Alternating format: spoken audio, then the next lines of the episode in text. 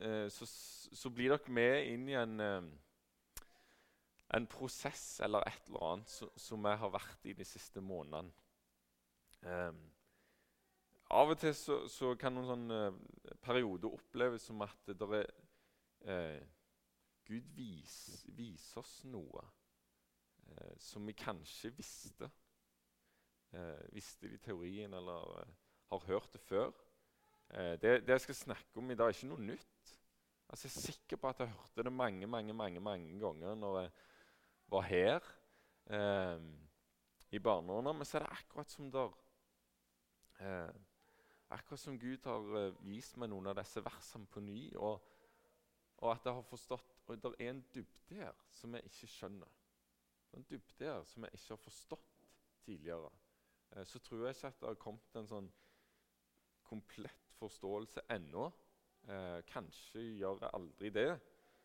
Eh, men, men, jeg har lyst til å ta dere med inn i det, eh, på godt og vondt. Eh, selv, selv, om det er min prosess i dette, så tror jeg det kan, eh, kan være greit å dele det. Eh, og Vi skal lese en tekst fra Johannes 15, vers 12-17. Og Dette er altså disse versene står i, ca. midt i Jesus sin avskjedstale egentlig, til disiplene. Han har kommet til, kommet til Jerusalem. Eh, det nærmer seg påskehøytid. Eh, og han er egentlig på vei opp mot korset. Disiplene vet ikke at dette er en avskjed. Eh, de vet ikke at dette er et av de eh, siste måltidene de har sammen med ham. Men Jesus vet. Og så, og så har han en, en, eh, en, tale, eller sier Det er sånn det framstår i Johannes evangeliet iallfall. Sier en del ting til dem, og så avslutter han talen med en bønn, kapittel 17. Um, ehm, så tenker jeg sånn Dette må være veldig spesielt for Jesus. En sånn siste mulighet til å si eh, til å si noe til disiplene som han har gått med, eller legge noe innover dem Um, jeg vil tro at disiplene etter at Jesus var død, tenkte Og hva var det han sa den siste kvelden? Og hva var det han sa på slutten? Um, han sa noe viktig der. Så jeg ser for meg at Jesus sitter litt sånn følelseslada Eh, denne kvelden og, og, og sier disse tingene. Og en del, en, Noe av det vi skal lese, gjentar han flere ganger, så det er tydelig at det er viktig. Det er viktig. Dette må dere få med dere. Dette må inn. Så vi leser fra Johannes 15, vers 12-17. sier Jesus sånn. Og dette er mitt bud. Dere skal elske hverandre som jeg har elsket dere. Ingen har større kjærlighet enn den som gir livet for vennene sine. Dere er mine venner hvis dere gjør, hvis dere gjør det jeg befaler dere. Jeg kaller dere ikke lenger tjenere, for tjeneren vet ikke hva Herren hans gjør. Jeg kaller dere venner, for jeg har gjort kjent for dere alt jeg har hørt av min far. Dere har ikke utvalgt meg, men jeg har utvalgt dere og satt dere til å gå ut og bære frukt, en frukt som varer. Da skal Far gi dere alt dere ber om i mitt navn. Dette er mitt bud til dere. Elsk hverandre. Dette er mitt bud. Dere skal elske hverandre som jeg har elsket dere. Den setningen har Jesus allerede sagt til disiplene bare noen kapitler før. Elsk hverandre sånn som vi har elsket dere. Og så gjentar han det. Så kan det godt være han gjentok det flere ganger enn det som kommer fram i Bibelen. Elsk hverandre sånn som jeg har elska dere. Han sier ikke bare 'elsk hverandre'. Punktum. Men han sier 'elsk hverandre sånn som jeg har elska dere'. Så setter han altså opp et slags eh, en standard, parameter. Og mye skal vi elske hverandre, mye skal disiplene elske hverandre. Jo, sånn som Jesus elsker oss, skal vi elske hverandre. Det er standarden. Og På dette tidspunktet så har disiplene noen, eh, noen sånn referansepunkter på det vil si. Det er ikke sikkert de har skjønt det, men de har det. Ehm, for Jesus har nettopp vaska beina til disiplene. Han har tatt steget ned eh, lågest på rangstigen, eh, tatt en tjener eller slave sin, sin posisjon og vaska beina til disiplene. Og sier 'Jeg er mester'. Med rette kaller dere meg mester. Hvis jeg gjør dette mot dere, så må dere kunne gjøre det mot hverandre. Tjen hverandre. Sånn som jeg har elska dere, skal dere elske hverandre. Det er ikke en kjærlighet basert på bare på følelser eller, eller dagsform eller et, et sånn eh, eh, blaff en dag. Fikk en god idé, så jeg gjorde noe, noe godt. Men dette er eh, en kjærlighet som utspiller seg og tar form i handling. Konkret handling. Eh, som er uselvisk. Eh, som er villig til å tjene og opptatt av å tjene. Spør ikke 'hva kan jeg få tilbake' først, men spør heller 'hva kan jeg gi'? Hva kan jeg gi det? Åssen kan jeg tjene det? Elsk hverandre. Og Jesus elsker disse vennene sine som han sitter og snakker til. Det hadde han ikke trengt å gjort. For de samme folkene som han sitter og sier 'elsk hverandre sånn som jeg har elska dere', eh, benekte han ikke lenge etterpå. stikker av når faren kommer. Eh, utlevere han for litt penger. Det er de samme folkene som sitter rundt bordet når Jesus sier dette. Elsk hverandre. Så den kjærligheten som Jesus snakker om, den kan ikke ha vært bundet opp i og får han tilbake. Eller, eller bundet opp i disiplene sin, sin prestasjon. Eh, og langt er dere villige til å gå for meg? For de var ikke villige til å gå så veldig langt for Jesus alltid. Eh, de svikta på, på, flere områder. Men, men Jesus' kjærlighet er, det er akkurat som han er liksom forut, over det. Det er ikke, det som, det er ikke der eh, Det ligger ikke et krav der. Det ligger ikke et krav. Eh, jeg elsker dere fordi at dere har gjort sånn og sånn og sånn. Nei, det er ikke det han sier. Først så viser han dem jeg elsker dere. Jeg vil tjene dere. Jeg vasker føttene deres. Det er rett og slett en, en uh, kjærlighet som er uforbeholden. Um, og det overgår iallfall min forstand, og jeg vil tro vår menneskelige forstand. En kjærlighet som kommer helt gratis. Som ikke har noen sånne krav, eller Som ikke bare forsvinner hvis vi benekter. Kjærligheten er der til oss for det. En kjærlighet som, som vi faktisk skal få lov til å la, eh, la oss bli definert av. Vi er Jesu barn, Guds barn. Og det er denne kjærligheten han har til oss. Han ga først. Han tjente først. Så det er på det grunnlaget vi skal få lov å oppsøke Jesus og komme i møte med ham. Du elsker meg først. Før jeg hadde gjort meg fortjent til noe. Og så etter han har sagt dette, dere skal elske hverandre som jeg har elsket dere, så kommer kanskje det verset som, som har åpna øynene mine for noe jeg bare innså dette har jeg jo ikke skjønt. Eh, for her sitter han og sier ingen har større kjærlighet enn den som gir livet for vennene sine. Ingen har større kjærlighet enn den som gir livet sitt for vennene sine. Og så tidligere har tenkt sånn, Det er en, det er en uh, fin setning. Um, og et, uh, en, en, en, god standard på som er god kjærlighet. Men så har det gått opp for meg han sier jo dette rett før han skal lide på korset.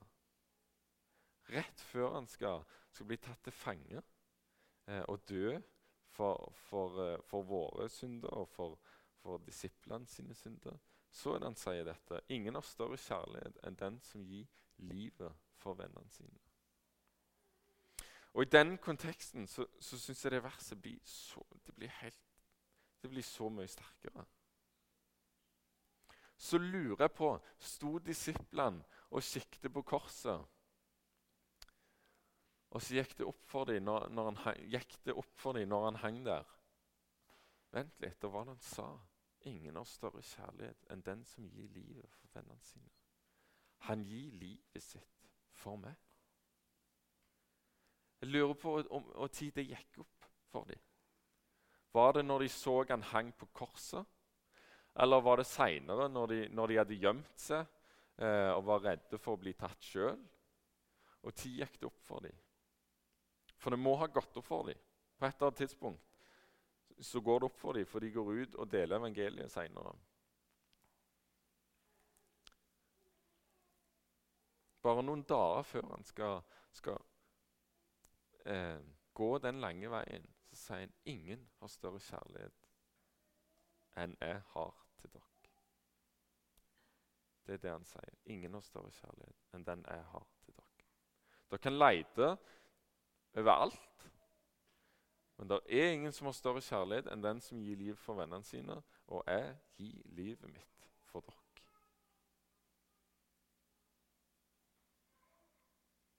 Gjorde det noe med disiplene der og da?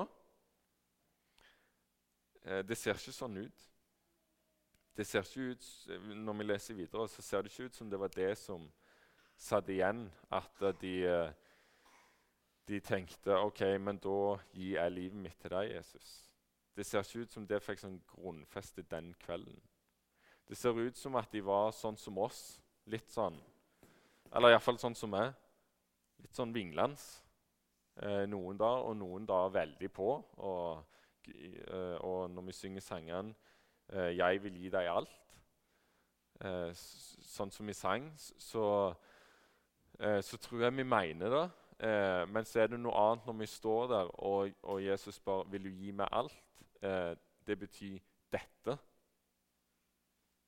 det kan være 'Jeg vil du skal ha denne jobben', eller 'Jeg vil du skal bruke tida di sånn' eller jeg vil du skal gi deg pengene sånn, så er det kanskje noe Da blir det litt sånn, da blir det av og til litt for konkret for oss. Altså, Å ja, var det, var det det det betydde med alt? Um, og så får vi lov til å gå i en sånn uh, Vi får lov å komme tilbake og, og, feile litt og gå noen prosesser på det. Uh, så er det noen dager vi kan, kan, faktisk sitte og kjenne på at ja, faktisk, Jesus, jeg vil gi deg alt og så den andre da, der det koster mer. Sånn tror jeg det var for disiplene òg. Jeg tror ikke de gikk ut fra denne kvelden og var sånn Han har størst kjærlighet eh, til meg. Ingen andre har større kjærlighet enn Jesus har til meg. Jeg vil gi han alt. Og så var de ferdig med det. Det ser ut til at de var veldig menneskelige. Og Likevel så står Jesus der. Ingen har større kjærlighet enn den som gir livet for vennene sine. Jeg gir livet mitt for dere.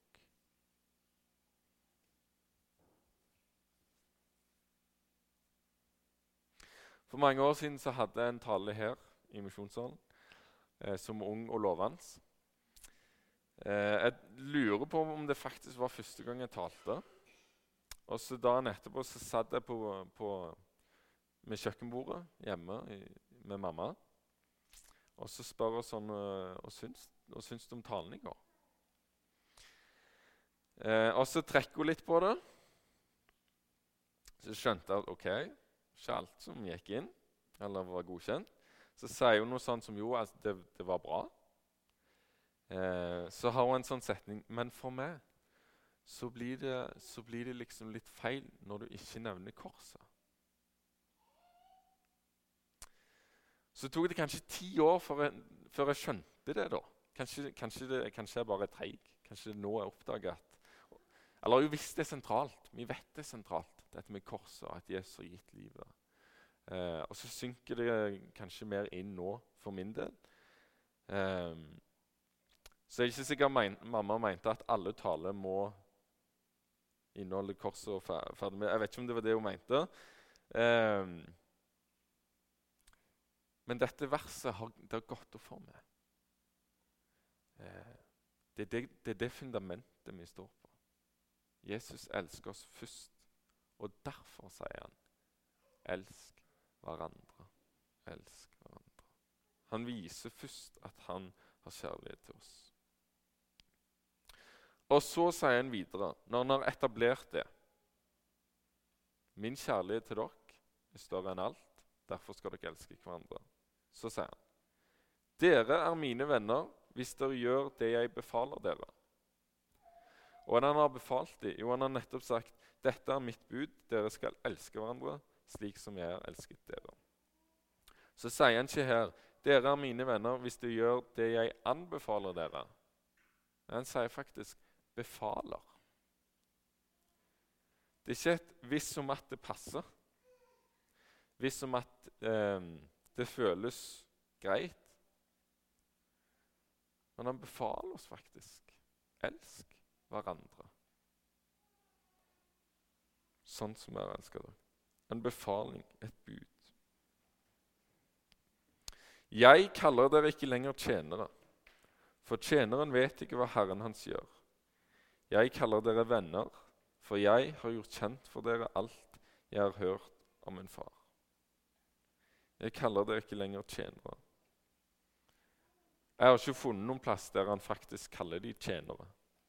Eh, men det er tydelig at eh, både han og disiplene har en oppfatning om at de er hans tjenere. Han er mester og herre. Så sier han her jeg kaller dere ikke lenger tjenere. Jeg kaller dere venner. Hvorfor det? Hvorfor kunne jeg ikke bare kalt dem tjenere? Er det ikke det vi, er ikke det vi går rundt og oppfordrer hverandre til om å gjøre? Tjene Jesus. Reis ut eh, på misjonsverket for Jesus. Tjen Jesus. Eh, og for en tjeneste har du eh, i misjonssalen eller en annen plass? Vi snakker om tjeneste. Og Av og til så snakker vi kanskje så mye om tjeneste at det blir hele kristenlivet handler om en tjeneste. Vi må ha en tjeneste. Men så står jo Jesus her og sier jeg kaller dere ikke lenger tjenere. Det er ikke først og fremst det jeg vil ha. Jeg vil ikke først og fremst ha tjenere. Jeg kaller dere venner. For jeg har gjort kjent for dere alt jeg har hørt om min far. Jesus var ikke interessert i å bare ha tolv stykk som sånn, eh, eh marionettdokker, som han bare styrte, og så skjedde det som han ville. At de bare gikk når han sa 'gå der, gå der', og så gjorde de det. Han vil faktisk ha, en, han vil ha de tettere. Han vil ha, eh, han vil ha et nært forhold til dem. Jeg har gjort kjent for dere alt jeg har hørt av min far. Jeg har delt alt med dere. Jeg har, jeg har ikke holdt noe hemmelig for dere. Jeg har ikke en skjult agenda. Jeg har ikke noen sånn krav eller ting som dere kommer til å få sjokk av. Jeg har delt det min far har gitt meg, har delt videre. Dere er mine venner. Og i det så ligger der um, det ligger mer enn en det å ha en tjeneste. Hadde det bare vært en, en tjeneste, så, så, kunne Jesus kalt de tjenere.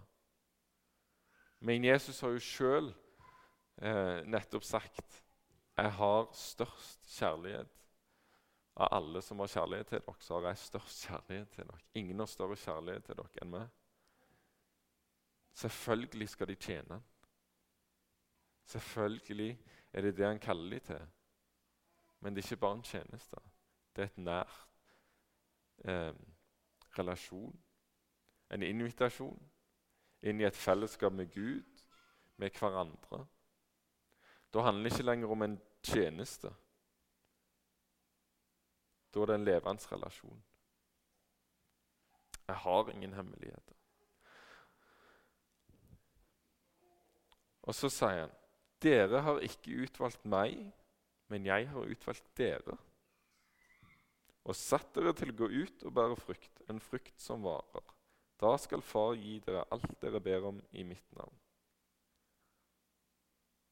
Så er det spurt hvem har, uh, hvem har kjent på at, uh, at, av og til så kjennes det ut som uh, jeg må velge Jesus.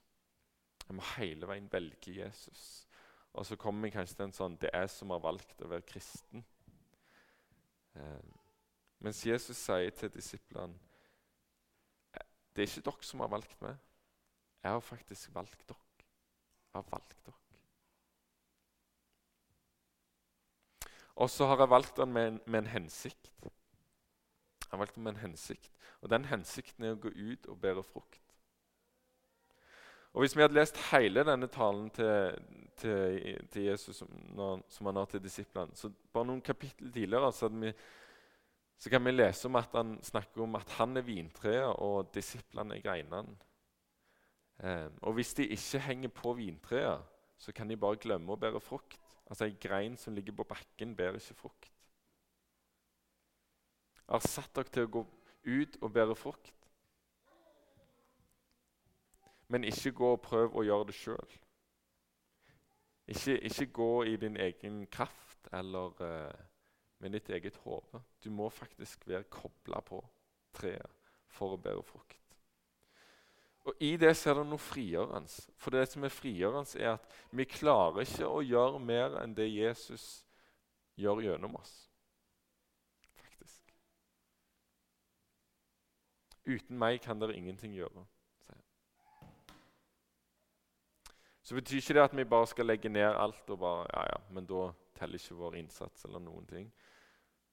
Det, ikke, det, det ser ikke ut som at det er det som er poenget. Men poenget er hvis vi først går og gjør ting, og så kommer vi tilbake til Jesus og spør hvorfor skjer det ikke noe, hvorfor er det ingen frukt. Så kan det være at han møter oss med disse versene og sier uten meg kan dere ingenting gjøre. Dere har ikke valgt meg. Det er jeg som har valgt dere. Det var jeg som starta dette. Eh, misjonsbefalinger er Guds idé og prosjekt. Ikke bare NLM sitt eller eh, vår egen tanke. Det er faktisk Gud som er initiativtakeren bak det. Av og til så ser det ut som at vi klarer å gjøre veldig mye. Så av og til så ser det ut som at vi, vi prøver, vi prøver, vi prøver, vi får ting til. Altså, det bærer ikke frukt. Og Da tror jeg både det kan være en utfordring og det kan være en trøst å se han har valgt oss. Det er han som vil at vi skal gå og bære frukt. Så kommer det en setning der som, som jeg tenker sånn Det er ganske utfordrende. Da skal Far gi dere alt dere ber om i mitt navn. Alt dere ber om i mitt navn. Det skjer jo ikke i mitt liv. Alt jeg ber om, får jeg ikke. Og Hadde det stått, bare stått 'Far vil gi dere alt dere ber om i mitt navn', um, så hadde jeg hatt en case. Men her står det 'da skal Far gi dere alt dere ber om i mitt navn'. Det er et eller annet med det å være poda på treet. Um, det at det er Jesus som gjør at vi bærer frukt. Det at vi går eh, på en eller annen måte i samsvar med, med, det Jesus vil at vi skal gjøre. Så skjer det kanskje noe i oss som gjør at vi ber litt annerledes enn vi ville, enn vi ville gjort ellers. Kanskje ber vi ikke eh, kun for eh, at renta ikke må gå opp, sånn at eh, vi sliter med økonomien. Eh, kan, kanskje vi, ser vi lenger enn vårt eget liv. Når vi bærer frukt, en frukt som varer, så er det faktisk noen løfter i forhold til bønn. Far, skal gi dere alt dere ber om, i mitt navn. Det, er et eller annet, det må være i samsvar med Guds vilje. Og så avslutter han. Dette er mitt bud til dere. Elsk hverandre. Elsk hverandre. Som kristne fellesskap så er vi faktisk kalt til å elske hverandre. Eh, venner eller ikke venner. Om det så er at vi liker hverandre eller ikke. Det er vel kanskje et av de fellesskapene i, i verden der, eh, eh der vi får bli. Eh, selv om vi ikke liker alle. Vi er faktisk kalt til å elske hverandre. Og så har vi ofte en sånn Ja, jeg kan godt, jeg kan godt eh, gjøre noe fint for den og den hvis han gjør sånn først. Så kunne jeg gjort det. Og så er problemet vårt med det at Jesus har faktisk gjort det først. Han har faktisk elsket oss først. Han har faktisk dødd for oss, gitt livet sitt for oss først. Og på det grunnlaget så kaller han oss til å elske hverandre.